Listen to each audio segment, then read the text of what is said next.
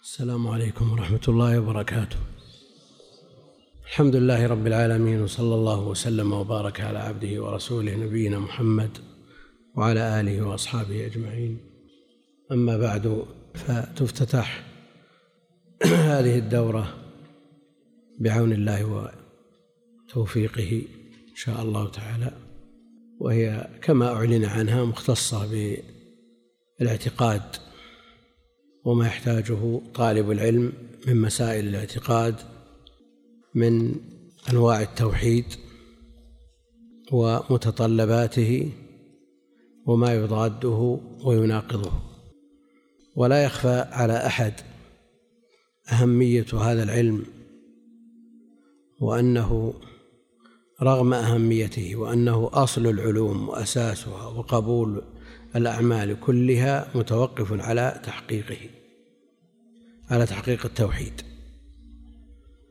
والدرس الأول في هذه الدورة هو في شرح كتاب التوحيد للإمام المجدد الإمام الشيخ محمد بن عبد الوهاب رحمة الله عليه وهو غني عن التعريف. وموضوع كتاب التوحيد في الجملة توحيد العبادة توحيد الألوهية. نظرا لمسيس الحاجة إليه.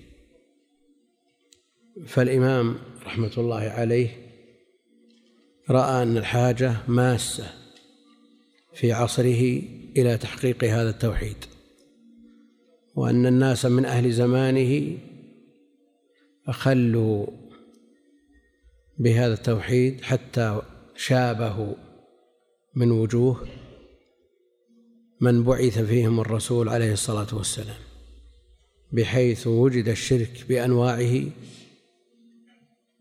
وأما بالنسبة لتوحيد الربوبية فهذا يعترف به المشركون ولم يجحدوه. والمؤلفات فيه من قبل المسلمين كثيرة. والشيخ حينما ألف هذا الكتاب رحمه الله تعالى تلمس حاجة الناس. فلم يبسط أنواع التوحيد أعني توحيد الربوبية وتوحيد الأسماء والصفات مثل ما بسط توحيد الألوهية نظرا للحاجة الماسة الداعية إلى ذلك. وكل مؤلف يريد نفع المسلمين إنما يؤلف فيما تمس حاجتهم إليه. فيما تمس حاجتهم إليه. فإذا رأى أن الحاجة ماسة في وقت من الأوقات إلى نوع من أنواع العلوم تصدى للتأليف فيه وبيانه وكشف ما يلتبس على الناس فيه.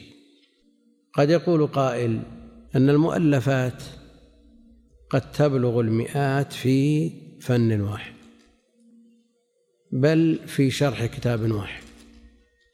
فكم من تفسير ألفه المسلمون على كتاب الله جل وعلا؟ لماذا لم يكتفي بعضهم بمؤلف بعض الآخر؟ لماذا لم يكتفي المتأخر بمؤلف المتقدم؟ وما زال العلماء يفسرون كلام الله إلى يومنا هذا بل إلى إلى ما شاء الله. ولم يكتفي بعضهم ببعض. وقل مثل هذا في شروح الأحاديث. فإذا كان فكانت التفاسير التي تشرح كتاب الله جل وعلا لا يمكن أن يحاط بها. فإذا وجد من الحواشي على تفسير واحد أكثر من مئة حاشية فكيف بجميع التفاسير؟ ما قالوا أنه يكتفى بتفسير الطبري عن تفسير البغوي عن تفسير ابن كثير عن كذا كذا. والحاجة ما زالت داعية إلى التفسير. وما زال العلماء كل من جاء يرى أن هناك جانب من من جوانب التفسير لم توفى حقه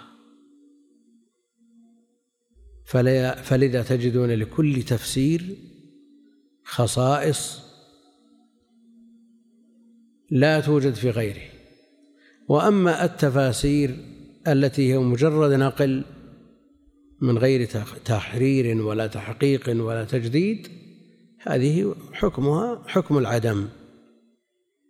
وكذلك الشروح قال قائل إن البخاري ما زال بحاجة إلى شرح. مع أنه شرح بشروح كثيرة جدا مطولات ومختصرات. حتى قال الشوكاني رحمه الله لما سئل طلب منه أن يشرح البخاري قال لا هجرة بعد الفتح. وهل معنى هذا أن آه، الحاجة سدت بفتح الباري فقط؟ لا. فتح الباري لا يغني عن عمدة القاري عمدة القاري لا تغني عن إرشاد الساري وكلها لا تغني عن شرح ابن رجب وهكذا. أما بالنسبة لتوحيد الألوهية الذي صنف فيه الإمام المجدد هذا الكتاب فالحاجة داعية بل ماسة والناس أحوج إلى بيانه في كل وقت في كل وقت لكن في وقت الشيخ رحمه الله تعالى كانت الحاجة أشد. أنواع التوحيد ألف فيها المؤلفات الكثيرة وكل أكثر المؤلفات أكثر المؤلفات تعالج توحيد الربوبية. وتوحيد الأسماء والصفات له نصيب. وأما توحيد الألوهية فرأى الشيخ رحمة الله عليه من الواقع الذي يعيشه من الواقع المرير الذي تقع فيه المخالفات في أصل الأصول. وهو تحقيق التوحيد رأى رحمه الله تعالى أن الحاجة ماسة إلى التأليف في هذا النوع من أنواع التوحيد. وإلا فأنواع التوحيد كما قررها أهل العلم بطريق الاستقراء للنصوص ثلاثة توحيد الربوبية توحيد الألوهية توحيد الأسماء والصفات. توحيد الربوبية هو توحيد الله جل وعلا بأفعاله. الخلق الرزق الإحياء الإماتة. كل هذه من خصائصه جل وعلا. لا يدعي أحد أنه يخلق ولا يدعي أحد أنه يرزق ولا يدعي أحد أنه يحيي إلا على طريق المكابرة مع علمه وجزمه يقينا أنه لا يستطيع ذلك. ولا أنه يميت. قد يكون الإنسان سببا في رزق مخلوق وقد يكون سببا في إماتته لكنه قد يكون سببا في إنقاذ حياته إذا أشرف على الموت وأسعفه فالذي أحياه هو الله جل وعلا. لكن هذا سبب. فالإنسان حينما يتصدق من ماله الذي اكتسبه وتعب عليه هو في الحقيقة إنما أعطى من مال الله الذي أعطاه إياه. والله جل وعلا حينما يكتب الحياة حياة الغريق مثلا على يد من أنقذه فالمحيي هو الله جل وعلا. لأن الأجل لم يتم ولكن هذا صار سببا في إنقاذ هذا الغريق من الهلكة. فالخالق هو الله ولا يدعي أحد أنه يخلق نفسه أو ولده فضلا عن غيره. والرازق هو الله جل وعلا هو الذي كتب الأرزاق وقدرها. نحن قسمنا بينهم معيشتهم والمحيي والمميت هو الله جل وعلا ولا أحد يدعي ذلك حتى ولا أهل الشرك. من بعث فيهم النبي عليه الصلاة والسلام لا يدعون ذلك. وأما توحيد الله بأفعال العباد وتخليص وتنقية هذا التوحيد فهذا هو الذي أشرك فيه المشركون القدامى والمحدثون. فهم وإن كانوا يعترفون بأن الله جل وعلا هو الخالق وهو الرازق والمدبر والمحيي والمميت لا إله لا خالق غيره لكنهم وإن صرفوا له شيئا من أنواع العبادة إلا أنهم يصرفونها أيضا لغيره فقد أشركوا. وإن طافوا بالبيت لله جل وعلا إلا أنهم يقولون لبيك لا شريك لك. لبيك إلا إلا شريكا هو لك تملكه وما ملك. فهم يشركون مع الله جل وعلا. وهذا النوع من التوحيد وجد الخلل فيه قديما وحديثا. والإمام المجدد رحمه الله يقرر رحمة الله عليه أن الشرك في هذا النوع في العصور المتأخرة في زمنه رحمه الله أشد مما كان في زمن النبي عليه الصلاة والسلام. لماذا؟ لأن المشركين الذين بعث فيهم النبي عليه الصلاة والسلام يشركون في الرخاء لكنهم يخلصون في الشدة. ومشركو زمانه رحمة الله عليه ومن بعدهم إلى يومنا هذا شركهم دائم في الرخاء والشدة. تجد في أوقات الأزمات. يقول يا فلان يا علي يا حسين يا بدوي يا يا عبد القادر. في أحلك الظروف يقول ذلك. لكن المشركين الذين بعث فيهم النبي عليه الصلاة والسلام إذا إذا ركبوا في الفلك دعوا الله مخلصين. فإذا نجاهم إلى البر إذا هم يشركون يعني في حال الأمن يشركون وفي حال الشدة يخلصون. بينما تجد الآن والإنسان يتعرض إلى غرق أو حرق أو دهس أو ما أشبه ذلك يقول يا فلان يا فلان. فشركهم دائم في الرخاء والشدة فلما اشتدت الحاجة ومست بل دعت الضرورة إلى بيان هذا النوع من أنواع التوحيد خصص الإمام المجدد رحمة الله عليه هذا الكتاب في توحيد العبادة توحيد الألوهية.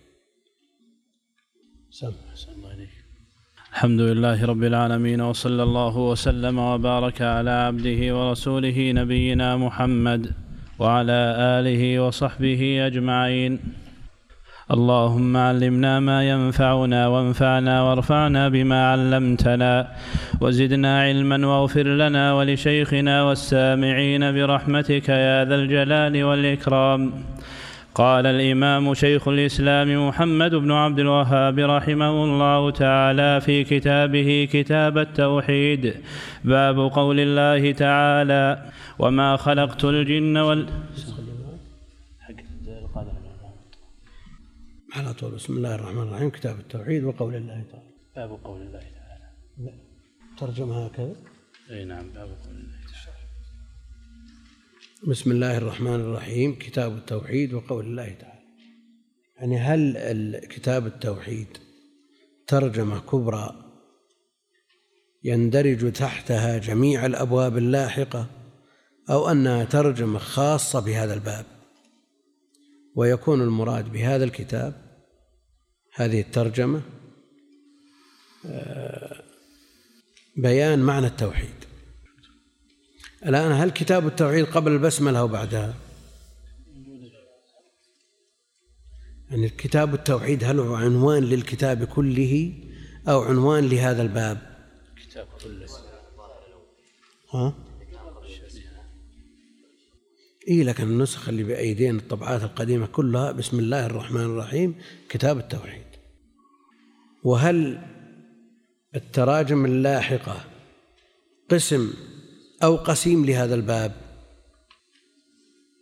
لأن مقتضى كلامه أنه باب قول الله تعالى وما خلقت الجن أي نعم. ها؟ شو؟ ما في باب أول. آه ما في باب أصلا. الوليد ذكر كتاب التوحيد. شو؟ نسخة الوليد. شرح شرح. فتح المجيد إيش قال؟ قال المصنف رحمه الله تعالى كتاب التوحيد. كتاب التوحيد وقول الله تعالى. كأنهم رأوا أن كتاب عنوان الكتاب كاملا. وأن جميع الأبواب اللاحقة مندرجة تحت هذا العنوان الكبير. ويدل على ذلك كلمة كتاب. لو أن هذا كتاب ويتلوه كتب. نعم. أبواب. كيف؟ أبواب لا أصبح قسيما. لكنه كتاب واحد تحته أبواب. تحته أبواب. وهذه الأبواب أقسام لهذا الكتاب وأنواع له. وعلى كل حال الوضع الكتب الطبعات القديمة كلها بسم الله الرحمن الرحيم كتاب التوحيد وقول الله تعالى. ويكون المراد بهذا الكتاب لهذه الترجمة الخاصة وما تحتها من آيات وأحاديث في بيان معنى التوحيد. الآن عنوان الكتاب بالكامل كتاب التوحيد. كتاب التوحيد الذي هو حق الله على العبيد. وقوله الذي هو حق الله على العبيد مأخوذ من الحديث الذي يأتي ما حق العباد على الله وما حق الله على العباد. حقه عليهم التوحيد. ولذا قال كتاب التوحيد الذي هو حق الله على العبيد. هذا هذا العنوان الأكبر للكتاب. ثم بعد ذلك قال بسم الله الرحمن الرحيم كتاب التوحيد. هذا فيه إشكال ولا ما فيه إشكال؟ الكتاب تقدم الذي هو العنوان. ولو كان باب التوحيد وقول الله تعالى لقلنا إن المراد بالترجمة باب معنى التوحيد. باب معناه الذي تشرحه الآيات والأحاديث التي أدخلت ضمن الترجمة. الاشكال زال ولا باقي؟ يعني التصرف هذا الموجود من بعض الطابعين شو؟ الآن قال كتاب التوحيد الذي هو حق الله على العبيد ثم بعد ذلك مقدمة من وضع المحقق مباشرة باب قول الله تعالى وما خلقت الجن والإنس إلا ليعبدون طيب أنا البسملة التي ذكرها المؤلف رحمه الله تعالى؟ واكتفى بها في مقدمته. المحقق اكتفى بها في مقدمته هو. والأصل أنها موجودة موجودة في كلام المؤلف إلا إذا كان مثل بعض المحققين يكتفي بالبسملة المرسومة بطريقة مزخرفة في أول صفحة يراها أنها هي البسملة في الكتاب. هل هذه تكفي عن بسملة الشيخ رحمه الله؟ ثم بعد ذلك بعد هذه البسملة قال بسم الله الرحمن الرحيم مقدمة كتاب التوحيد ثم جاء بكلام له للمحقق نفسه. ثم بعد ذلك باب قول الله تعالى. لا شك أن هذا خلل في التحقيق. هذا خلل في التحقيق. قد يقول إن هناك إشكال في ترجمة كتاب وما بعده كلها أبواب وليس لهذا الكتاب قسيم ولا قسائم يكون في إشكال. هذا العنوان الأصلي للكتاب. فالمفترض أن تكون أن يكون هنا باب كالأبواب اللاحقة. نعم من حيث الترتيب المنهجي للتأليف يمكن أن يقال هذا لكن الأصل إبقاء كتب أهل العلم على الوضع الذي تركه مؤلفوه عليه. نعم. ما أدري ليه فيها شك يعني كأن الكتاب لا عنوان له. يعني من الأصل بسم الله الرحمن كتاب التوحيد بدون عنوان. لا لا لا اتفاقا ما في مقدمات.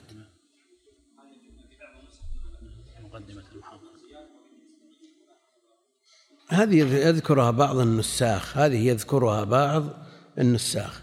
أما الأصل ما في ولذلك تكلموا لماذا لم يذكر الشيخ مقدمة؟ يعني نسخة معتمدة. من اللي يقول هذا؟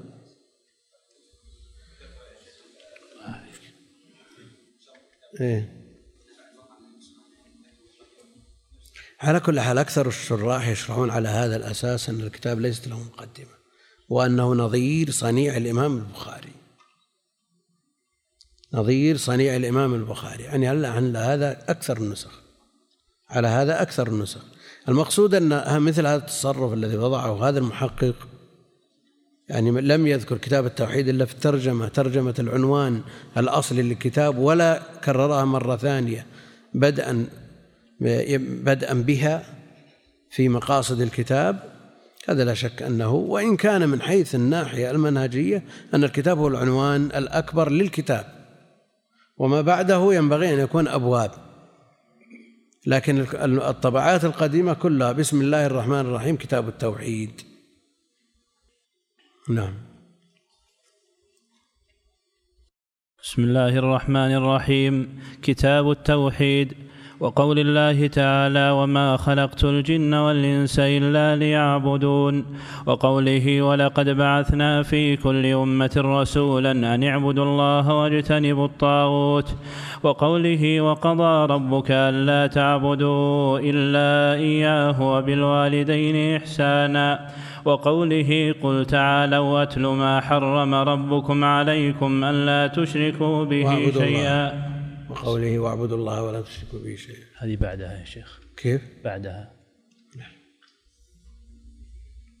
قضى ربك ألا تعبدوا إلا إياه وبالوالدين إحسانا وقوله واعبدوا الله ولا تشركوا به شيئا. ما في قل تعالى واتلوا بعده قل تعالى واتلوا هذه هذه بعدها ها؟ قدم وآخر. إيه. نعم. ها؟ سيأتي هذا هل هو استئناف نعم. قوله قل تعالوا أتل ما حرم ربكم عليكم ألا تشركوا به شيئا. وقوله واعبدوا الله ولا تشركوا به شيئا.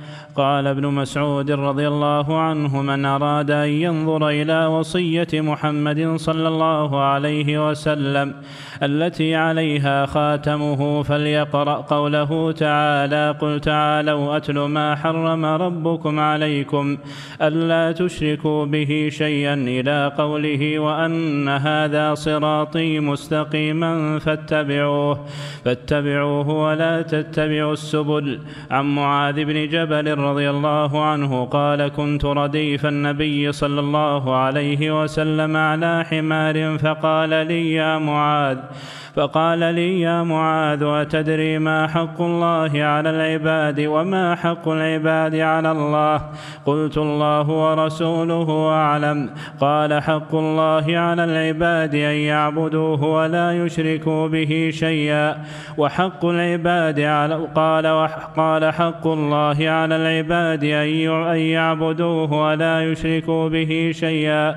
وحق العباد على الله ألا يعذب من لا يشرك يشرك به شيئا. قلت يا رسول الله أفلا أبشر الناس؟ قال لا تبشرهم فيتكلوا. أخرجاه في الصحيحين. مسائل عندك؟ في مسائل. اقرأ المسائل. فيه مسائل. الحكمة في خلق الجن والإنس. الأولى الأولى, الأولى. الحكمة في خلق الجن والإنس الثانية أن العبادة هي التوحيد لأن الخصومة فيه الثالثة أن من لم يأت به لم يعبد الله ففيه معنى قوله ولا أنتم عابدون ما أعبد الرابعة الحكمة في إرسال الرسل الخامسة أن الرسالة عمت كل أمة السادسة أن دين الأنبياء واحد السابعة المسألة الكبيرة أن عبادة الله لا تحصل إلا بالكفر إلا بالكفر بالطاغوت. ففيه معنى قوله تعالى فمن يكفر بالطاغوت. الآية الثامنة أن الطاغوت عام في كل ما عبد من دون الله. التاسعة عظم شأن ثلاث الآيات المحكمة المحكمات في سورة الأنعام عند السلف وفيها عشر مسائل. أولاها النهي عن الشرك. العاشرة الآيات المحكمات في سورة الإسراء. وفيها ثمانية عشر مسألة. بدأ ثمانية عشرة. وفيها ثمانية عشر مسألة بدأها الله بقوله لا تجعل مع الله إلها آخر فتقعد مذموما مخذولا وختمها بقوله ولا تجعل مع الله إلها آخر فتلقى في جهنم ملوما مدحورا ونبهنا الله سبحانه على عظم شأن هذه المسائل بقوله ذلك مما أوحى إليك إليك ربك من الحكمة. الحادية عشر آية سورة النساء التي عشرة الحادية عشرة. أحسن الله الحادية عشرة آية سورة النساء التي تسمى آية الحقوق العشرة. بدأها الله تعالى بقوله واعبدوا الله ولا تشركوا به شيئا. الثانية عشرة التنبيه على وصية رسول الله صلى الله عليه وسلم عند موته. الثالثة عشرة معرفة حق الله علينا. الرابعة عشرة معرفة حق العباد عليه إذا أدوا حقه. الخامسة عشرة أن هذه المسألة لا يعرفها أكثر الصحابة. السادسة عشرة جواز كتمان العلم للمصلحة. السابعة عشرة استحباب بشارة المسلم بما يسره. الثامنة عشرة الخوف من الاتكال على سعة رحمة الله. التاسعة عشرة. قول المسؤول عما لا يعلم. الله ورسوله أعلم. العشرون. جواز تخصيص بعض الناس بالعلم دون بعض.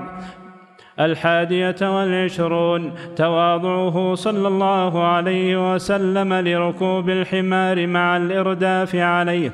الثانية والعشرون. الثانية. كلها مرفوعة. الثانية والعشرون جواز الإرداف على الدابة. الثالثة والعشرون فضيلة معاذ بن جبل رضي الله عنه. الرابعة والعشرون عظم شأن هذه المسألة. يقول هذا أتمنى أن يكون الشرح كشرح عمدة الأحكام من حيث السرعة والإلمام بالفائدة. من حيث السرعة والإلمام بالفائدة. هذه مسألة يعني طرحت كثيرا في جميع الدروس ويختلف فيها الإخوان وتتباين فيها أقوالهم منهم من يريد البسط ومنهم من يريد الاختصار. لكننا في الغالب يعني إذا كان الباب طويلا فإن نكتفي بباب واحد وإذا كان قصيرا ضممنا إليه آخر والشرح سيكون بإذن الله متوسطا لا طويل ولا مختصر مخل. يقول ما رأيك بكتاب فتح الحميد شرح كتاب التوحيد لعثمان بن منصور وهل يختصر أو يجرد؟ الشرح هذا الشرح هو يكاد أن يكون بل هو بدون تردد أطول الشروح. وظل حبيسا لم ينشر كبقية الشروح. نظرا لما وصف به مؤلفه من خلاف مع أئمة الدعوة. منهم من يقول أن الكتاب يشتمل على شيء من ذلك ومنهم من يقول الكتاب لا إشكال فيه ومنهم طال البحث والجدال فيه ثم في الأخير حقق الكتاب وطبع ونشر. وواقع الكتاب يدل على أن فيه فوائد كثيرة لكنه كما قيل عن مؤلفه أنه بينه وبين أئمة الدعوة شيء من النفرة ولا يمنع هذا من الإفادة منه. وما كان فيه من حق فهو مقبول وما كان فيه مما يخالف الحق فهو مردود. ما الشروح المعتمدة للكتب التي سوف تشرح؟ الكتب المعتمدة الشروح المعتمدة أولا هذا الكتاب عن كتاب التوحيد حظي بشروح كثيرة جدا منذ تأليفه إلى يومنا هذا وهو يشرح وما من عالم إلا وقد تصدى لشرحه. سواء كتب شرحه أو أملاه أو سجل عنه أو ذهب أدراج الرياح قبل التسجيل. لكن لا يوجد عالم تصدى لتعليم الناس إلا وقد شرح لهم كتاب التوحيد. ولا يوجد طالب علم إلا وقد حفظ كتاب التوحيد. لأنه من الكتب المهمة الأصلية في هذا الباب. يعني من القواعد والأسس التي يبنى عليها هذا الفن لأنها في توحيد الألوهية الذي يخفى أمره على كثير من الناس. كثير من بيوت المسلمين من عوام المسلمين يقع في الشرك الأكبر وهو لا يدري. فلذا يتعين تعليم الناس حتى العوام إجمالا لأبواب هذا الكتاب. ولو لم يكن عاد بالتفاصيل التي يتلقاها طلاب العلم من أهل العلم. إشكال أن العوام؟ نعم يكفيهم التقليد ويكفيهم الإيمان الإجمالي لكن مع ذلك لا يجوز أن يقعوا في خلل وهم في أوساط علمية وفي بيوتهم من يحسن تعليمهم. ولذا من البر أن يخص المعلم أو المتعلم أقرب الناس إليه وأحب الناس إليه بشيء مما ينفعهم في دينهم. مع الأسف أنه يوجد من كبار السن ذكور وإناث من لا يقرأ حرفا من القرآن حتى الفاتح. وفي في بيوتهم أفراد ممن ممن يحفظ القرآن أو يقرأ القرآن بالتجويد ومع ذلك لا يقدم لهم شيء. من أبر البر أن تعلم أباك سورة أو سور من القرآن أو أمك. وأيضا ما يحتاج إليه مما يصح به إسلام المرء. يعني هل يتصور أن امرأة عاشت في بيئة محققة للتوحيد ودولة قامت على التوحيد أن تسمع محاضرة من داعية امرأة تحذر من كلمة شركية وتبدأ بها في أذكار النوم. هذه المرأة ما تفهم. سمعت هذه الكلمة وحفظتها فبدأت بها. يعني ليس من أبر البر أن يعلم عوام المسلمين هذه العقائد التي تنجيهم من النار؟ قد يعذر المرء بجهله لكن لماذا ننتظر أن يموت الوالد أو الوالدة على شيء من الشرك ولو لم يكن أكبر؟ ثم نقول بعد ذلك نعذره بجهله لماذا لا نعلمه ما يصحح اعتقاده؟ والبيوت ولله الحمد مملوءة بالمتعلمين بل بالمعلمين. وإذا كان نفع الناس للب... نفع العالم للبعيد دون القريب فهذا يشك فيه شك في إخلاصه. لكن قد يوجد من الكبار من يتصدى لتعليم الناس ونجد أولادهم ما استفادوا منه. هل نقول أن هذا قصر في حقهم أو أنه حاول ما استطاع؟ لأن الهداية بيد الله. نعم هذا هو المظنون بأهل العلم. ورأيت شابا يلقن شيخا كبيرا في فجر يوم الجمعة بعد الصلاة سورة الكهف كلمة كلمة وبعيد عنه من من جهة النسب. لكن رأى أنه محتاج فإلى أن طلعت الشمس وهو يلقنه سورة الكهف. كلمة كلمة. فلماذا لا نفعل هذا مع أقرب الناس إلينا؟ تجد الأم ما تقرأ تجد الأب يحضر إلى المسجد بل تجده مؤذن أول من يحضر إلى المسجد ثم يلتفت يمينا وشمالا لا يتكلم بكلمة. لماذا؟ لأنه لا يقرأ القرآن. مثل هذا أليس من أعظم البر أن يعكف الولد على تعليمه بعض السور التي يقضي به مثل هذا الفراغ ويكسب بها الأجور؟ فهذا من الأهمية بالغاية يعني في غاية الأهمية.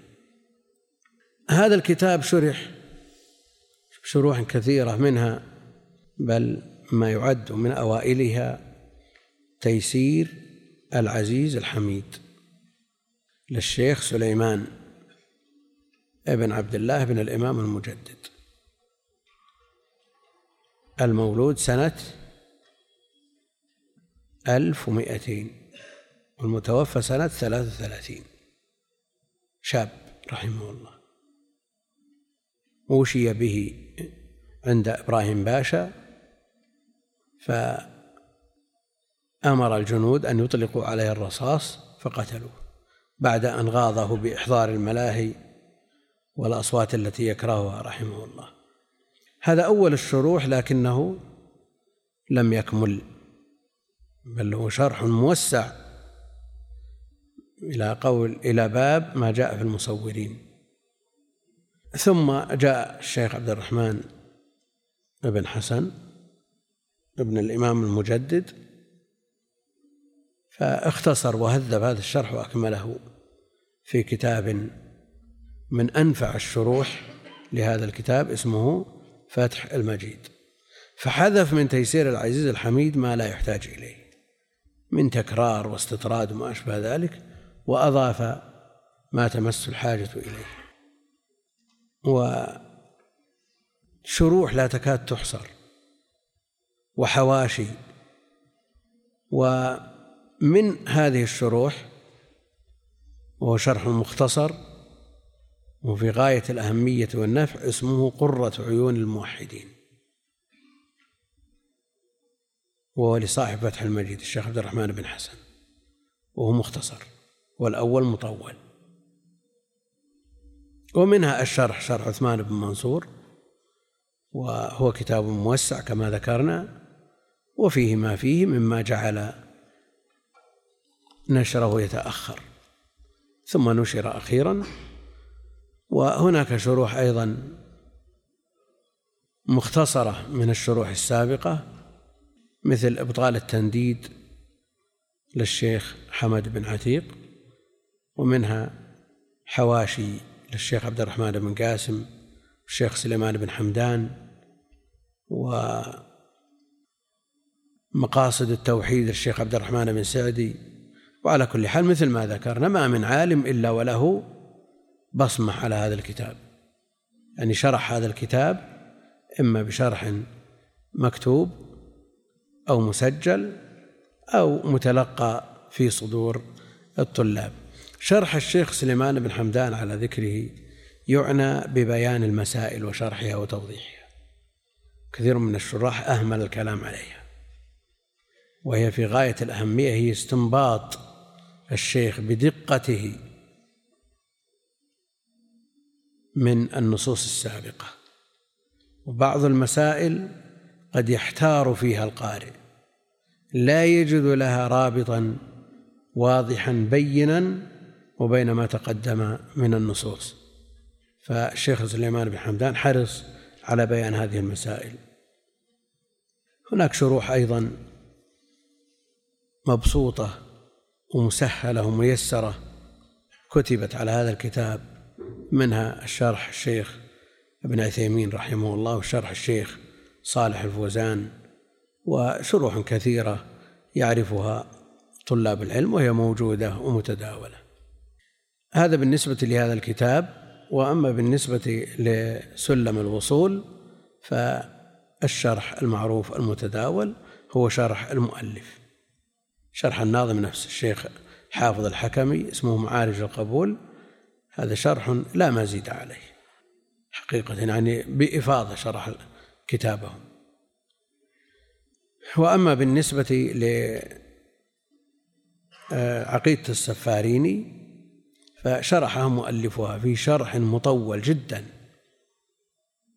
في مجلدين اسمه لوامع الأنوار البهية وسواطع الأسرار الأثرية في شرح الدرة المضية في عقد الفرقة. المرضية. هذا الشرح مطول وموسع ولذا احتاج إلى اختصار. فاختصره شخص يقال له محمد بن علي بن سلوم. وشرحه مطبوع. ووضعه مثل وضع عثمان بن منصور. قيل عنه إنه بينه وبين أئمة الدعوة شيء من النفرة. واختصر شرح السفاريني على عقيدته الشطي في كتاب اسمه مختصر اللوامع الأنوار البهية لشرح الدرة المضية في عقد الفرقة المرضية للشيخ حسن الشطي الحنبلي. وهذا مطبوع قديما قبل من ثمانين سنة مطبوع في دمشق ولذا قد لا يوجد إذا بحث عنه. وأيضا اختصر لوامع الأنوار الشيخ محمد بن مانع واقتصر منه على حاشية توضح ما يحتاج إليه من ألفاظ المتن والشروح كلها مطبوعة ومتداولة. وأيضا الشيخ ابن عثيمين رحمه الله شرح هذه العقيدة بشرح مبسوط وواضح جدا يعني يفهمه المتوسط من طلاب العلم على عادته وطريقته رحمه الله في تذليل العلم لطلابه. فيعتنى بهذه الشروح وهناك شروح أيضا تخرج تباعا والمطابع ما زالت تتحفنا بين حين وآخر بهذه الشروح النافعة الماتعة. يقول هل الدروس في هذه الدورة الصيفية مرتبطة ببعض من حيث آه، الشرح لعدم استطاعة حضور جميع الدروس؟ كل كتاب له شرحه الذي يستقل به. ولا ارتباط للسفارينية بكتاب التوحيد وإن كان هناك تشابه كبير في مباحث الدرس الأول والثاني بين سلم الوصول وكتاب التوحيد. يقول رحمه الله تعالى بسم الله الرحمن الرحيم. ابتدأ المؤلف رحمة الله عليه بالبسملة اقتداء بكتاب الله جل وعلا حيث افتتح بها. وأجمع الصحابة على كتابتها في المصحف على خلاف بينهم هل هي آية أو ليست بآية مع إجماعهم على أنها آية أو بعض آية من سورة النمل وليست بآية من سورة التوبة وهل هي آية من الفاتحة أو من جميع السور أو آية لا من سورة بعينها بل نزلت آية للفصل بين السور. وهذا ما يختاره شيخ الإسلام والخلاف موجود مزبور في مكانه. اقتداء بالقرآن العظيم وبسنة النبي عليه الصلاة والسلام فهو يفتتح رسائله بالبسملة كما في كتابه الهراق العظيم الروم وغيرها كلها مفتتحة بالبسملة. وإذا كان القرآن جمع فيه بين البسملة والحمدلة فإن الرسائل النبوية تفتتح بالبسملة فقط والخطب النبوية تفتتح بالحمدلة. والكتاب الذي بين يدينا فيه بسملة وليس فيه حمدلة في في أكثر النسخ وإن وجد في بعضها كما أشار بعض الشراح وبعض المحققين إلا أن أكثر النسخ ليس فيها حمدلة كما صنع الإمام البخاري رحمه الله تعالى. حيث اعتبر الكتاب بمثابة الرسالة لطلاب العلم والرسائل تفتتح بالبسملة فقط مع أن الإمام مسلم افتتح كتابه بخطبة بين فيها منهجه وصدرها بالحمدلة كالخطب لأنها خطبة للكتاب. وعلى كل حال الأمر في هذا سهل فإذا حصل الابتداء بذكر الله مما هو أعم من البسملة والحمدلة كفى. لكن الجمع بينهما كما كان أو كما حصل في القرآن أولى جاء في الحديث كل أمر ذي بال لا يبدأ فيه ببسم الله الرحمن الرحيم فهو أبتر.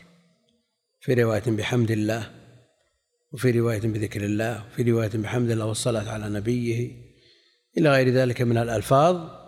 التي حكم عليها بعض العلماء بجميع هذه الألفاظ بجميع الطرق حكم عليها بالضعف وأنه لا يثبت منها شيء وإن أثبت ابن الصلاح والنووي وجمع من أهل العلم لفظ الحمد فقط وحكموا عليه بالحسن وعلى كل حال الاقتداء بالقرآن يقتضي هذا يقتضي أن نفتتح بالبسملة والحمد وإن كان بعضهم بعض المعاصرين ممن ضاق نظره لما رأى بعض العلماء يضعف الحديث بجميع طرقه وألفاظه قال اننا لا نعمل بحديث ضعيف. لا نعمل بأحاديث ضعيفة. فجرد كتابه من البسملة والحمد لأنه لا يعمل بالضعيف. بل زاد بعضهم حتى قال في مقدمة كتابه كانت الكتب التقليدية تفتتح بالبسملة والحمد. هذا جهل. هذا جهل مركب يزعم أنه يعرفه في الحقيقة أجهل من الجاهل. نظيره من سمع من يقول رب أوزعني أن أشكر نعمتك التي أنعمت علي وعلى والدي. سبحان الله أنت ما وصلت الاربعين كيف تقول هذا الكلام؟ نعم. وسمع بعضهم من يقول اللهم أعني على ذكرك وشكرك. لا. قول النبي عليه الصلاة والسلام لعائشة. نعم. إذا صادفت ليلة القدر اللهم إنك عفو تحب العفو عني. قال تظنك في ليلة القدر؟ هذا جهل. يعني إذا ربط شيء بشيء لا يقتضي تخصيصه به. لكن قد يكون من بلغ الأربعين أولى أن يقول هذه الكلمة ممن لم يبلغها لأن النعمة بالنسبة له اكتملت. ولا يمنع أن يقولها الشاب الكبير والصغير ربي أوزعني. يعني ألهمني أن أشكره. إذا ألهم الشكر فقد تمت عليه النعمة لأن الشكر يقتضي المزيد. فكون الإنسان يستدرك على من يقول ربي أوزعني ولما يبلغ الأربعين هذا جهل. كما أن من يستدرك من يفتتح كتابه بالبسمة والحمدلة لمجرد تضعيف من ضعف. يعني هل هل المسألة لا تثبت إلا بهذا الحديث؟ أليس بالبداءة باقتداء بكتاب الله وسنة نبيه عليه الصلاة والسلام؟ يعني إن لم يثبت القول ثبت الفعل. إن لم يثبت القول ثبت الفعل. ونظير ذلك شخص جلس بعد صلاة الصبح يذكر الله حتى ارتفعت الشمس ثم صلى ركعتين. فتجد من يقول ليش تجلس والحديث ضعيف؟ لماذا تجلس والحديث ضعيف ثبت من فعله عليه الصلاة والسلام أنه كان يجلس. هذا على افتراض أن الحديث ضعيف. لكن بعض الناس إذا سمع شيئا لم يحسن تطبيقه. والناس بأمس الحاجة إلى معرفة السنة وإلى فقه السنة وفقه تطبيق السنة. لأن بعض الناس قد يعرف السنة لكن لا يحسن تطبيق السنة ولا يفقه تطبيق السنة. فيقول كانت الكتب التقليدية تفتتح بالبسملة والحمد. لماذا؟ لأنه سمع الشيخ الألباني رحمة الله عليه يقول الحديث بجميع طرقه وألفاظه ضعيف. وسمع الشيخ يقول أن الضعيف لا يعمل به في جميع أبواب الدين. وهذا الذي قال هذا الكلام ليس من طلاب الشيخ ولا من المعروفين عن الأخذ عن الشيخ. يعني طلاب الشيخ لا يقول مثل هذا الكلام لكن وجد من يقول. يعني بالحرف أنا قرأتها في كتاب من الكتب يقول كانت الكتب التقليدية تفتتح بالبسملة والحمد لله. شو معناه؟ أن هذا مجرد تتابع عليه يقلد بعضهم بعضا من غير أصل ولا أثارة من علم. وهذا جهل مركب. بسم الله الرحمن الرحيم. الكلام على البسملة مذكور في الشروح وفي التفاسير وغيرها في كلام طويل جدا لأهل العلم في كل كلمة من كلماتها الأربع. فلسنا بحاجة إلى أن نكرره مع أن تكلمنا عليها مرارا في مناسبات كثيرة. يقول رحمه الله كتاب التوحيد. كتاب التوحيد مثل ما ذكرنا سابقا عنوان الكتاب الأصلي كتاب التوحيد. وهذه ترجمة داخل العنوان الأصلي أو أنها هي العنوان الأصلي وقول الله تعالى هي معطوفة على التوحيد. يعني كتاب التوحيد وكتاب قول الله تعالى هذا الأصل. مثل ما يقول البخاري باب كذا وقول الله تعالى. وبعضهم يرفعها بناء على أنها على أن الواو استئنافية. والكتاب مصدر كتب يكتب كتابا وكتابة والمصدر والمادة بجملتها تدل على الجمع. والكتاب المراد به المكتوب. الجامع لمسائل التوحيد. المكتوب الجامع لمسائل التوحيد. والتوحيد مصدر مصدر وحد يوحد مصدر وحد يوحد توحيدا. توحيد جعل الشيء واحدا. توحيد جعل الشيء واحدا.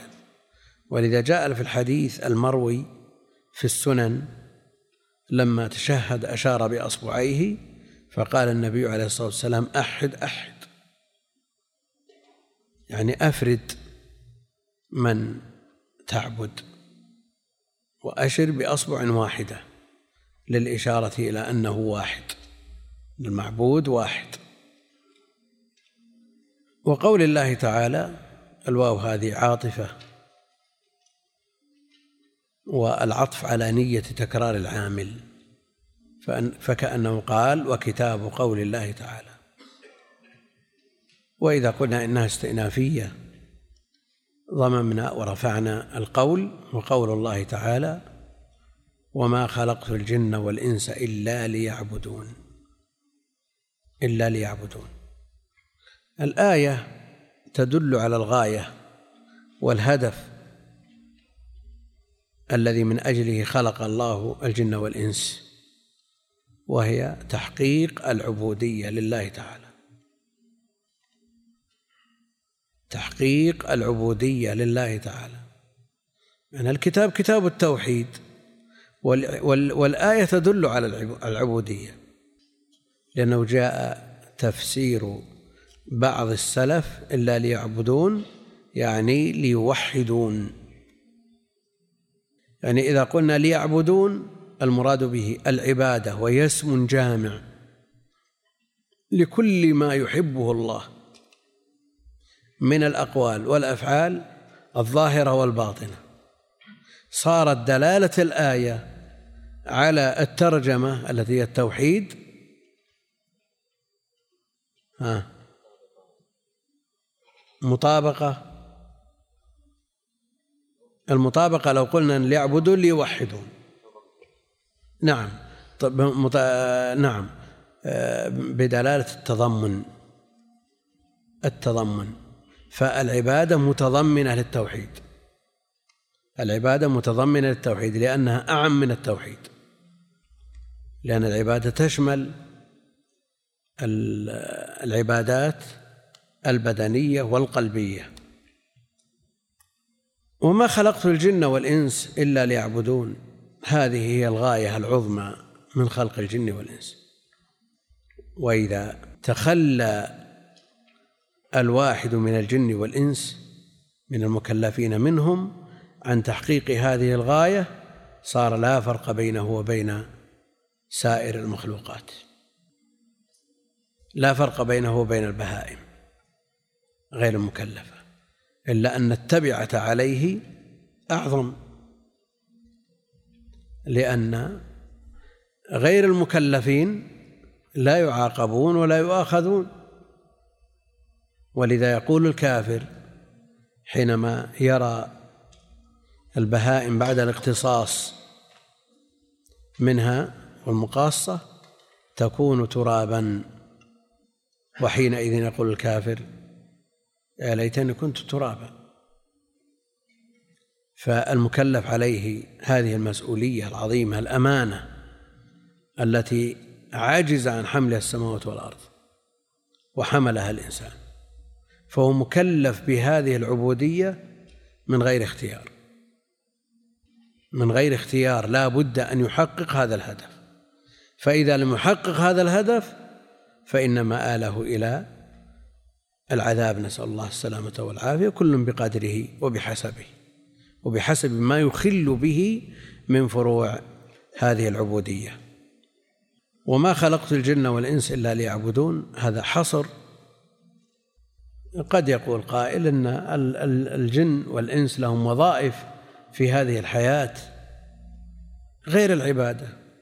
وإذا نظرت في أحوال الناس وجدت أن العباده بالنسبة لأوقاتهم إنما تستغرق جزءا يسيرا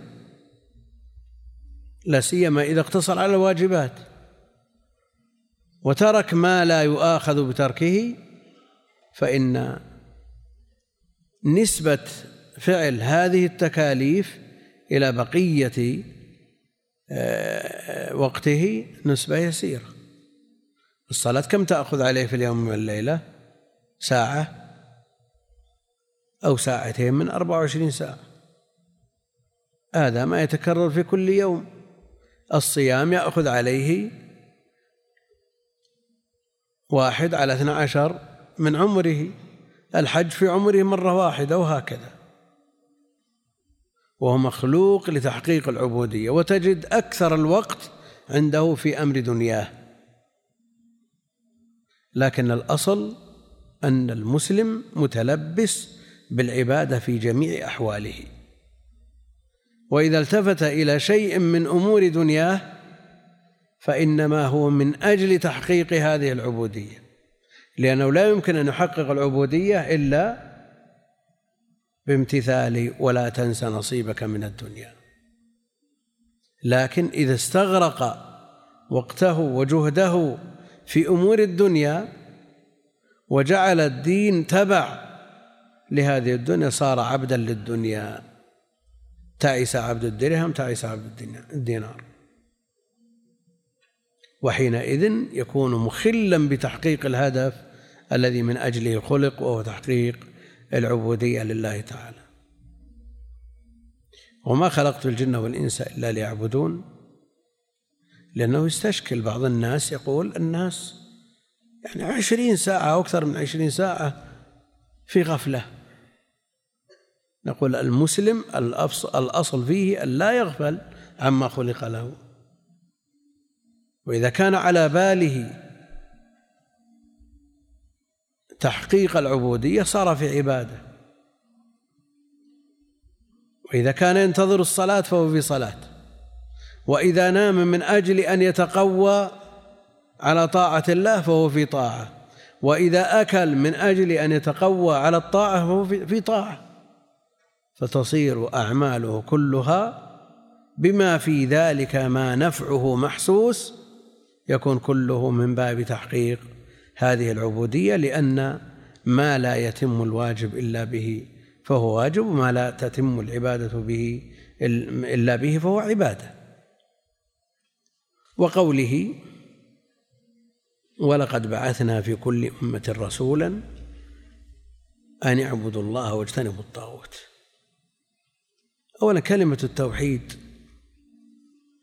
التي قال النبي عليه الصلاة والسلام أمرت أن أقاتل الناس حتى يشهدوا في رواية حتى يقولوا لا إله إلا الله حتى يشهدوا أن لا إله إلا الله وأن محمدا رسول الله ويقيموا الصلاة ويؤتوا الزكاة.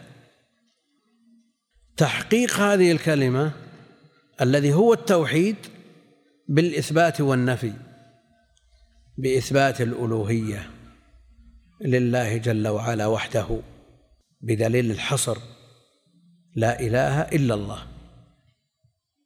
لا إله معبود بحق إلا الله جل وعلا. وفي معناه قوله جل وعلا ولقد بعثنا في كل أمة رسولا. لأن هذا هذا التوحيد مما تتفق عليه الشرائع. ولقد بعثنا في كل أمة رسولا أن اعبدوا الله واجتنبوا الطاغوت. اعبدوا الله بمثابة إلا الله واجتنبوا الطاغوت بمثابة لا إله. فهي تدل على كلمة التوحيد مما يدل على أن كلمة التوحيد مما اتفقت عليه الشرائع. وأصول الأديان واحدة. أصول الأديان واحدة. والأنبياء كما قال النبي عليه الصلاة والسلام نحن معاشر الأنبياء أولاد علات ديننا واحد. يعني الأصل واحد. أولاد العلات الأخوة لأب. فالدين الأصل الذي هو الأب واحد يشتركون فيه لكن الأمات مختلفات. فالشرائع لكل نبي من الأنبياء شرعه ومنهاج. سبيلا وسنة. الشرائع مختلفة. هي متفقة في كثير منها لكنها أيضا لكل زمان ولكل أمة من الأمم ما يناسبها من الشرائع. ينسخ منها ما لا يناسب الأمة التي تليها. ويبقى ما يناسبها معمولا به. وكل نبي يبعث إلى قومه بما يناسبهم إلى أن جاء النبي الخاتم خاتم الأنبياء عليه الصلاة والسلام فنسخ جميع الشرائع. ولقد بعثنا في كل أمة رسولا أن اعبدوا الله واجتنبوا الطاغوت. اعبدوا الله وحده ولا تشركوا به شيئا. واجتنبوا الطاغوت الطاغوت فعلوت والواو والتاء يؤتى بها للمبالغة كما في جبروت وملكوت ورحموت. واجتنبوا الطاغوت والطاغوت كما قرر ابن القيم رحمه الله تعالى من الطغيان وما تجاوز به العبد حده من معبود أو متبوع أو مطاع. وكل ما عبد من دون الله وهو راض فهو طاغوت. ما عبد من دون الله فهو طاغوت. ولا يلزم أن يسجد له ليكون معبودا من دون الله. إذا أمروا بمعصية أو نهوا عن طاعة واستجيب لهم فقد اتخذوهم اربابا من دون الله. لما قال عدي بن حاتم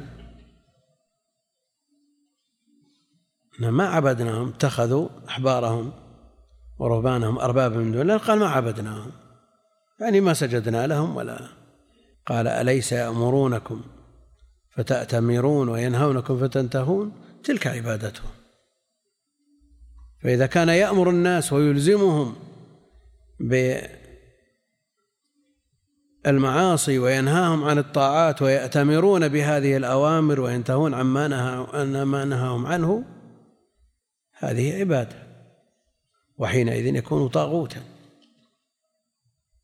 يقرر أهل العلم أن الطاعة بالمعروف الطاعة بالمعروف وأنه لا طاعة لمخلوق في معصية الخالق. وكون المعبود راضيا قيد لا بد منه وإلا فقد عبد من دون الله. ناس أخيار منهم أنبياء ومنهم أولياء ومنهم صالحون. هل يقال إنهم إنكم وما تعبدون من دون الله حصب جهنم. إذا رضوا بذلك نعم. إذا رضوا بذلك نعم. الآية وقوله وقضى ربك ألا تعبدوا إلا إياه بالوالدين إحسانا.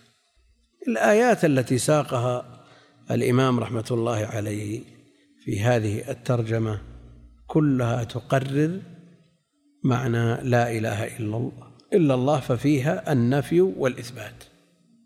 الحصر بطريق النفي والإثبات. قضى ربك ألا تعبدوا إلا إياه. هذا حصر.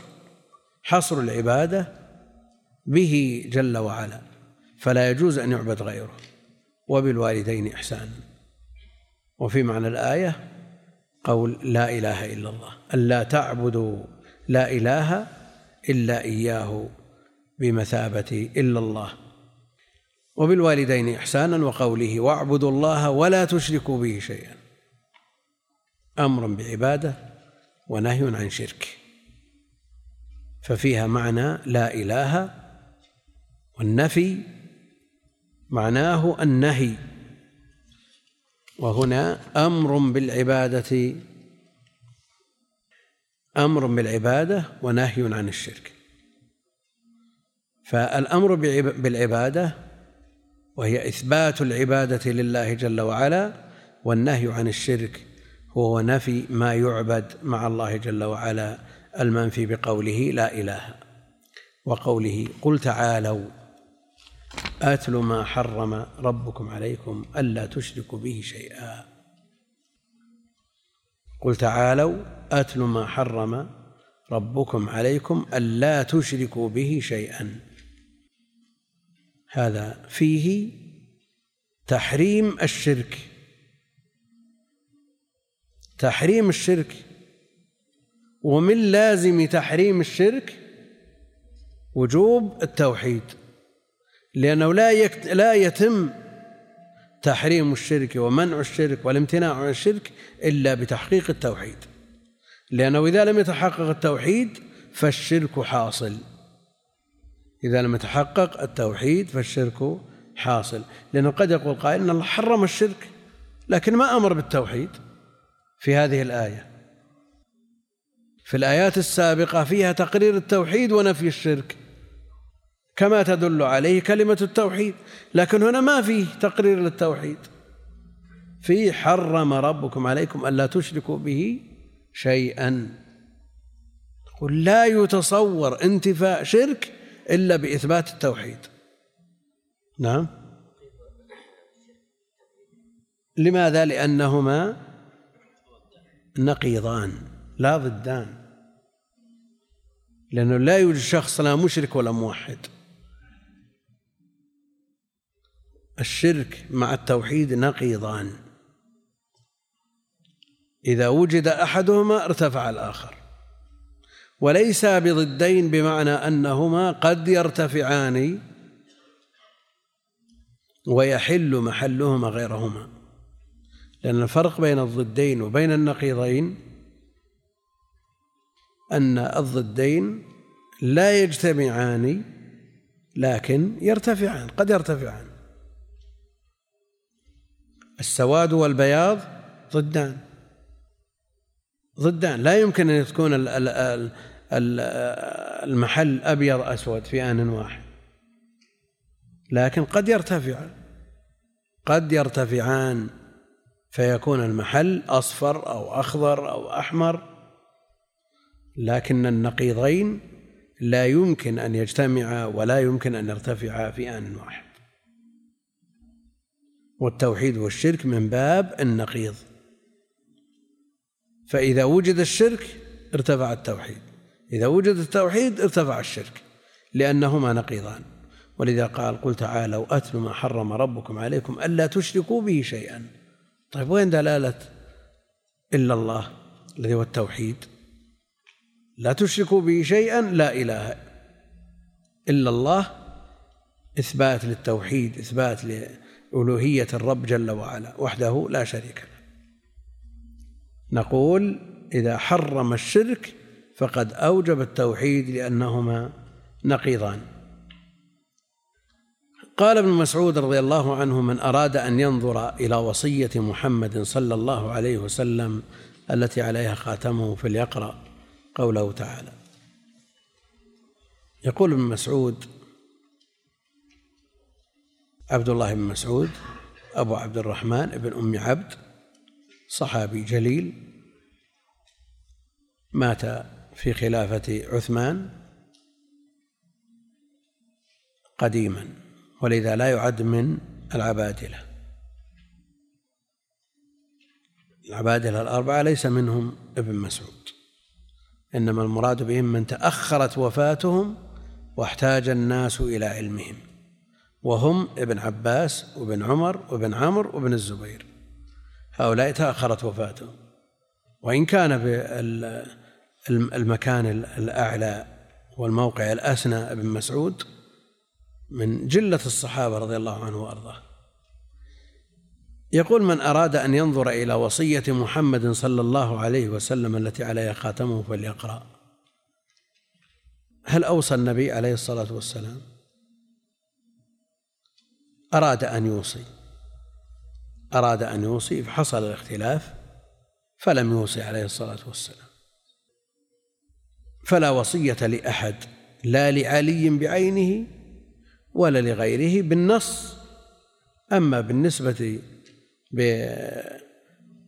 بالاستنباط فالإمامة بعده لأبي بكر رضي الله عنه.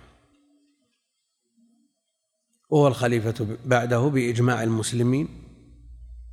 ومن طعن في خلافته فقد أزرى بالأمة بكاملها. وتنقص النصوص الدالة على فضله مما يوحي بخلافته بعده عليه الصلاة والسلام وأنه أفضل الأمة بعد نبيها.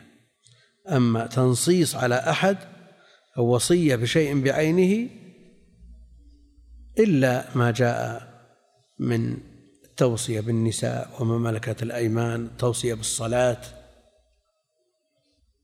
فهذه أشار إليها عليه الصلاة والسلام في آخر حياته. وهذا استنباط من ابن مسعود. وله القدح المعلى فيما يتعلق بالقرآن الكريم. قال من أراد أن ينظر إلى وصية محمد عليه الصلاة والسلام التي عليها خاتمه فليقرأ. قوله تعالى قل تعالوا أتل ما حرم ربكم عليكم إلى قوله وأن هذا صراطي مستقيما هذه كأنه أوصى بها لاهتمامه بها والعناية بشأنها وقال بحيث أمر بها. قل يا محمد تعالوا أيها المسلمون أتل ما حرم ربكم عليكم فكأنها وصية والوصية غالب ما تكتب في آخر الحياة ويموت عنها الإنسان من غير تغيير ولا تبديل. فهذه الآية من الآيات المحكمة التي طبع عليها آه، أمر الأمة بعد بوفاته عليه الصلاة والسلام من غير تغيير ولا تبديل. الآية والآيات والحديث إذا اقتصر على بعض الآية ثم قيل الآية أو ذكر بعض الآيات فقيل الآيات أو ذكر بعض الحديث فقيل الحديث كلها بالنصب. فكأنه قال أكمل الآية أو أكمل الحديث أو اقرأ الآية أو اقرأ الحديث ومنهم من يجوز الرفع. قالوا عن معاذ بن جبل رضي الله تعالى عنه قال كنت رديف النبي صلى الله عليه وسلم على حمار فقال لي يا معاذ يا معاذ أتدري ما حق الله على العباد؟ قال كنت رديف النبي صلى الله عليه وسلم على حمار. وسيأتي في المسائل وهي فوائد يستنبطها المؤلف رحمه الله تعالى من النصوص السابقة تواضع النبي عليه الصلاة والسلام وأنه يركب الحمار. وحج النبي عليه الصلاة والسلام على رحل. مما يدل على التواضع بدليل وحج أنس على رحل ولم يكن شحيحا. يدل على أن الرحل مركوب متواضع. فعلى الإنسان أن يتواضع. النبي عليه الصلاة والسلام ركب حمار. وجاء في نصوص كثيرة أنه كان يركب الحمار ويركب الدابة ومع ذلك يردف. يردف. يركب معه على الحمار شخص آخر.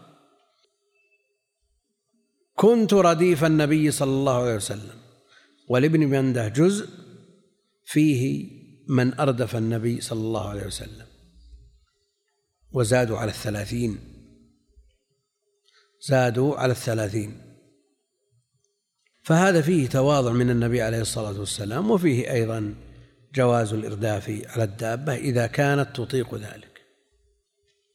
ونجد بعض الناس يشتري ويبالغ في شراء المركوب ويصرف في ذلك ما يصل به إلى حد السرف المحرم ومع ذلك تجد في المقدمة السائق فقط وتجده في الخلف بمفرده يأنف أن يركب معه أحد.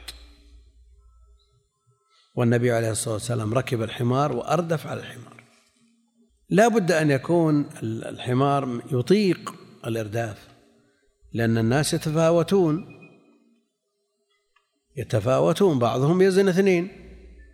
فإذا أردفت واحد من هذا النوع قد لا تطيق الداب كل شيء له حمولته. الآن في المصنوعات يقررون ما تحتمله هذه الآلة من من الأجسام. تجد هذه السيارة حمولتها طن وهذه خمسة طن.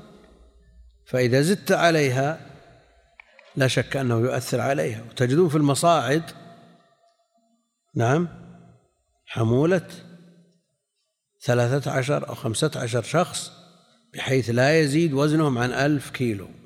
تجيب لي خمسة عشر شخص على مئتين أو مئة وخمسين أطنان هذه. تتأثر. قد يقول قائل خل تأثر السيارة ثم ماذا؟ لأن الدابة إذا تأثرت تتألم وألمها لا شك أنه يضر بها وأمرنا بالإحسان إليها ولا يجوز أن أن نحملها ما لا تطيق. لكن السيارة يقول ملكي اشتريته بدراهمي. اكتبوا خمسة طن حمولة أنا أحمل عشرة. إيش المانع؟ نقول لا هذا فيه إتلاف للمال. إتلاف للمال. والذي تجدون في الطرقات محلات وزن. وزن للسيارات لأنها أولا تحميلها أكثر من طاقتها يضر بها ويتلفها. يسارع بتلفها وأيضا إضرار بالطرقات التي هي في الأصل لعموم المسلمين. فلا يجوز آه، التعرض لها بما آه، يمنع من الإفادة منها. كنت رديف النبي صلى الله عليه وسلم فقال لي يا معاذ أتدري ما حق الله على العباد؟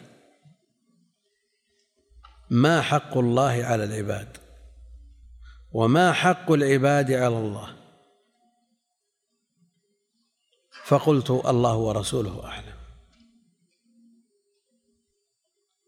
وفي المسائل التي يأتي ذكرها أن الصحابة قد لا يعرفون مثل هذه الأمور بل لم يعرفوا هذه الأمور قبل أن يخبرهم النبي عليه الصلاة والسلام. وهذا هو الواقع. ما في مصدر من مصادر تلقي العلم الشرعي إلا عن طريقه عليه الصلاة والسلام. ولذلك أجوبتهم الله ورسوله أعلم. الله ورسوله أعلم. يردون العلم إلى عالمه. ولا يتخبطون أو يقولون بآرائهم. لكن لو اجتهد معاذ وقال لعل المراد كذا أو لعل حق الله على العباد كذا أو لعل حق آه، الله أو حق العباد على الله كذا بحضرته عليه الصلاة والسلام فأقره نقول هذا تشريع. لكن من تمام أدبهم يقولون الله ورسوله أعلم. وهذا في حياته عليه الصلاة والسلام ظاهر. هو أعلم من غيره لا سيما فيما يتعلق بأمور الدين. وماذا عن بعد عن, عن هذا الأمر بعد وفاته عليه الصلاة والسلام؟ إذا سئلت عن مسألة لا تعرفها فإن كانت من أمور الدين هل يجوز أن تقول الله ورسوله أعلم؟ أو بعد وفاته تقول الله أعلم لأن الرسول عليه الصلاة والسلام بعد وفاته لا يعلم شيئا. نعم؟ أو على كل حال الرسول عليه الصلاة والسلام في مسائل العلم الشرعي أعلم على كل حال ولا علم إلا عن طريقه. في أمور الدنيا مثلا تقول ما هذه السيارة؟ تقول الله ورسوله أعلم. لا ما يمكن. الرسول لا يعلمها. الله جل وعلا يعلمه. يعلم ما كان وما يكون وما لم يكن ولا يكون. أن لو كان كيف يكون؟ لأن الله جل وعلا أخبر عن أهل النار أنهم لو ردوا لعادوا. ولن يردوا. لكن لو ردوا لعادوا. وهذا ما كان ولا يكون أيضا. لكن الله يعلم منهم أنهم لو ردوا لعادوا. ويعلم السر وأخفى. ويعلم خائنة الأعين وما تخفي الصدور. هذا لا إشكال فيه. تقول الله أعلم. ومن أدب المفتي إذا سئل عما يخفى عليه يقول الله أعلم.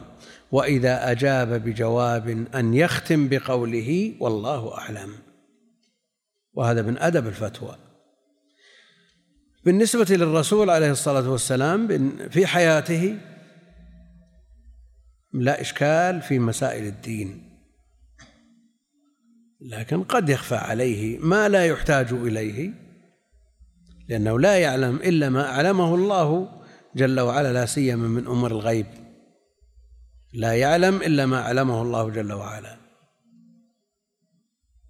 لو كنت أعلم الغيب لاستكثرت من الخير. في مسائل الدين لو سئلت عن مسألة من مسائل الحج وهي تخفى عليك مسألة نازلة تقول الله أعلم هذا لا إشكال فيه تقول الله ورسوله أعلم باعتبار أنه أعلم من كل أحد في مسائل ما يتعلق بالدين نعم.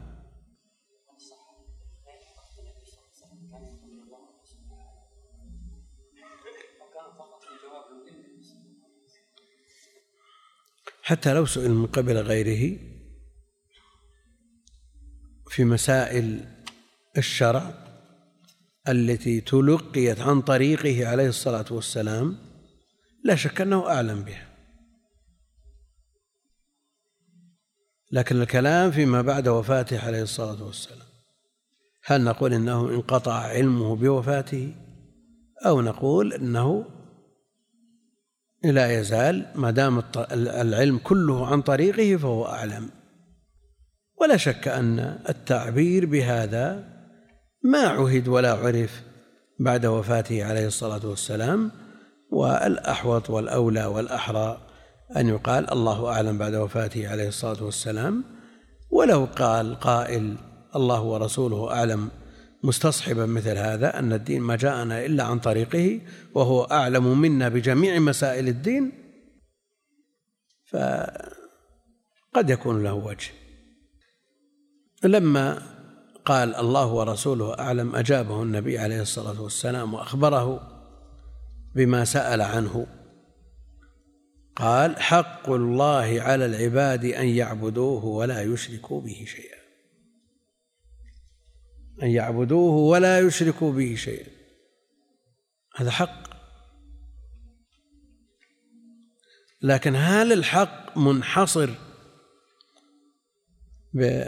بهذا؟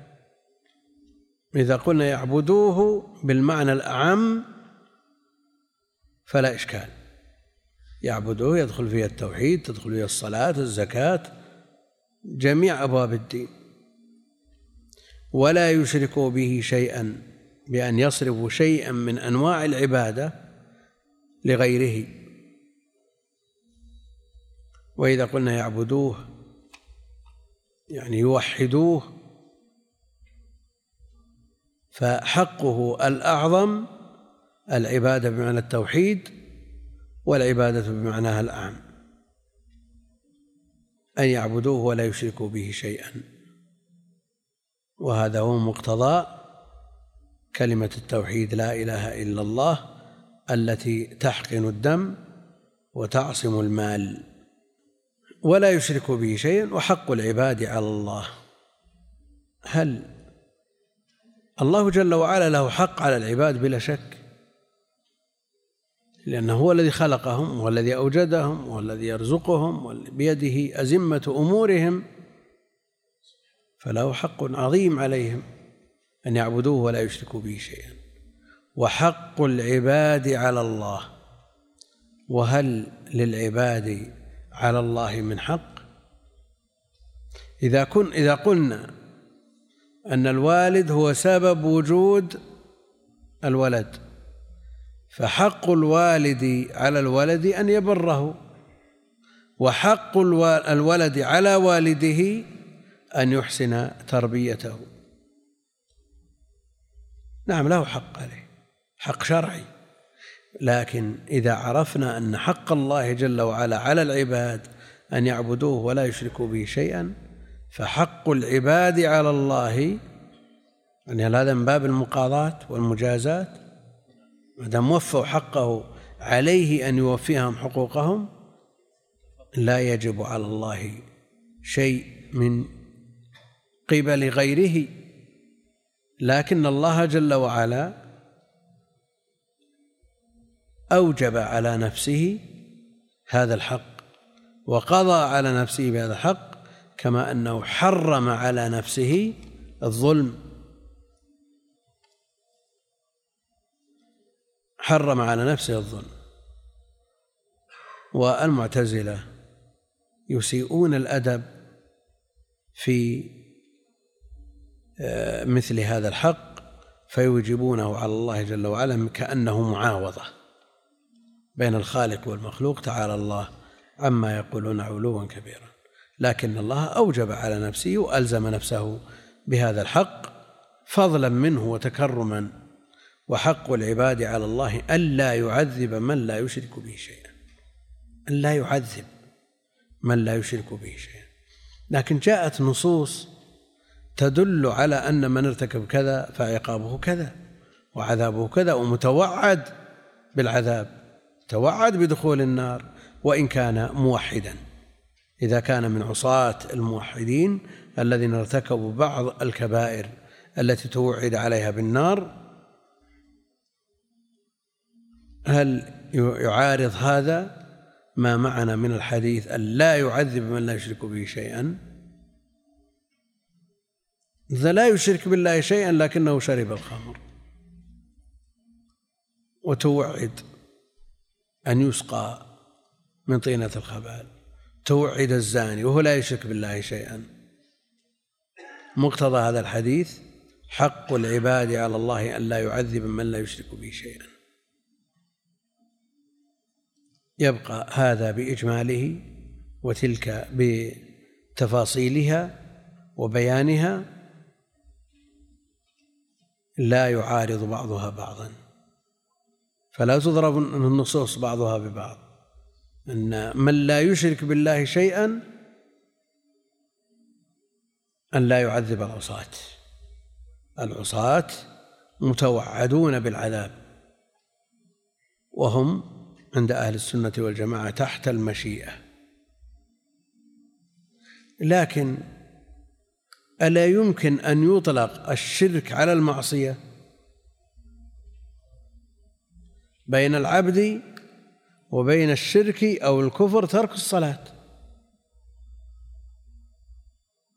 فالذي يترك الواجبات أو يرتكب المحرمات لا يسلم من شوب شرك. وإن كان لا يخرجه من الملة لكنه لا يسلم من شوب الشرك. لأن الذي بين العبد وبين الكفر والشرك ترك الصلاة. ولا شك أن من يترك الأمر أو يرتكب المحظور الممنوع أنه اتبع من دعاه إلى هذا المحظور اتبعه وجعله إلها أطاعه ولو في هذه المسألة. فلا يسلم من شوب الشرك فلا تعارض. لا يعذب من لا يشرك به شيئا. نكرة في سياق النفي. فتعم جميع الأشياء. تعم جميع الأشياء. والشرك لا يشرك. بالله شيئا. أدنى شيء وأدنى شرك ومفهومه أن المشرك يعذب. إن الله لا يغفر أن يشرك به. إن الله لا يغفر أن يشرك به. فعذابه حتم. والجمهور على أن الشرك الأكبر لا يمكن أن عموم أهل العلم على أن الشرك الأكبر لا يغفر بينما الخلاف في الشرك الأصغر. الخلاف في الشرك الأصغر. هل يغفر فيدخل تحت المشيئة أو لا يغفر فيدخل تحت عموم الآية؟ إن الله لا يغفر أن يشرك به ويغفر ما دون ذلك. أما الشرك الأكبر في محل اتفاق أنه لا يغفر وصاحبه خالد مخلد في النار وأما بالنسبة للأصغر فمحل خلاف بين أهل العلم منهم من يرى الدخول دخوله في الآية وإن كان حكمه حكم مرتكب الكبائر أنه يعذب ثم يخرج من النار إلى الجنة. ومنهم من يقول أن حكم الشرك الأصغر حكم الكبائر تحت المشيئة إن شاء عذبه وإن شاء غفر له ولكن الآية بعمومها يدخل فيها أنواع الشرك. يقول أذكركم بانتهاء وقت الدرس الأول. قلت يا رسول الله أفلا أبشر الناس؟ أفلا أبشر الناس؟ فيه مشروعية تبشير المسلم بما يسره. فيه بشارة المسلم بما يسره. قال لا تبشرهم فيتكلوا. أخرجاه يعني البخاري ومسلم في الصحيحين. لا تبشرهم فيتكلوا. مما يدل على أن بعض العلم يجوز حجبه وكتمانه إذا خشي منه الضرر على سامعه. لأن بعض الناس قد لا يحسن الإفادة من هذا العلم. حدث الناس بما يعرفون. تريدون أن يكذب الله ورسوله لأن بعض العلم لبعض الناس فتنة. وهذا مضطرد. فنصوص الوعيد لا تلقى على خوارج. ونصوص الوعد لا تلقى على مرجئة. لأن هذه تزيدهم في بدعتهم. ومع ذلك الأصل نشر العلم. الأصل أن من تعلم علما عليه أن يبلغه. بلغوا عني ولو آية. ويبقى أنه على خلاف هذا الأصل أنه إذا خشي من الضرر أن يلحق المستمع أن يحجب هذا العلم عن هذا المستمع. لا تبشرهم فيتكلوا. لأن من الناس من إذا سمع هذا الكلام قال أنا موحد إذا لا لن أعذب. ويغفل عن النصوص الأخرى. ويغفل عن النصوص الأخرى. لكن معاذا رضي الله تعالى عنه أخبر بها عند موته تأثما. خشية من الوقوع في الإثم المرتب على الكتمان. المرتب على الكتمان الذي جاء ذمه في الكتاب والسنة. والله أعلم. وصلى الله وسلم على نبينا محمد وعلى آله وأصحابه أجمعين.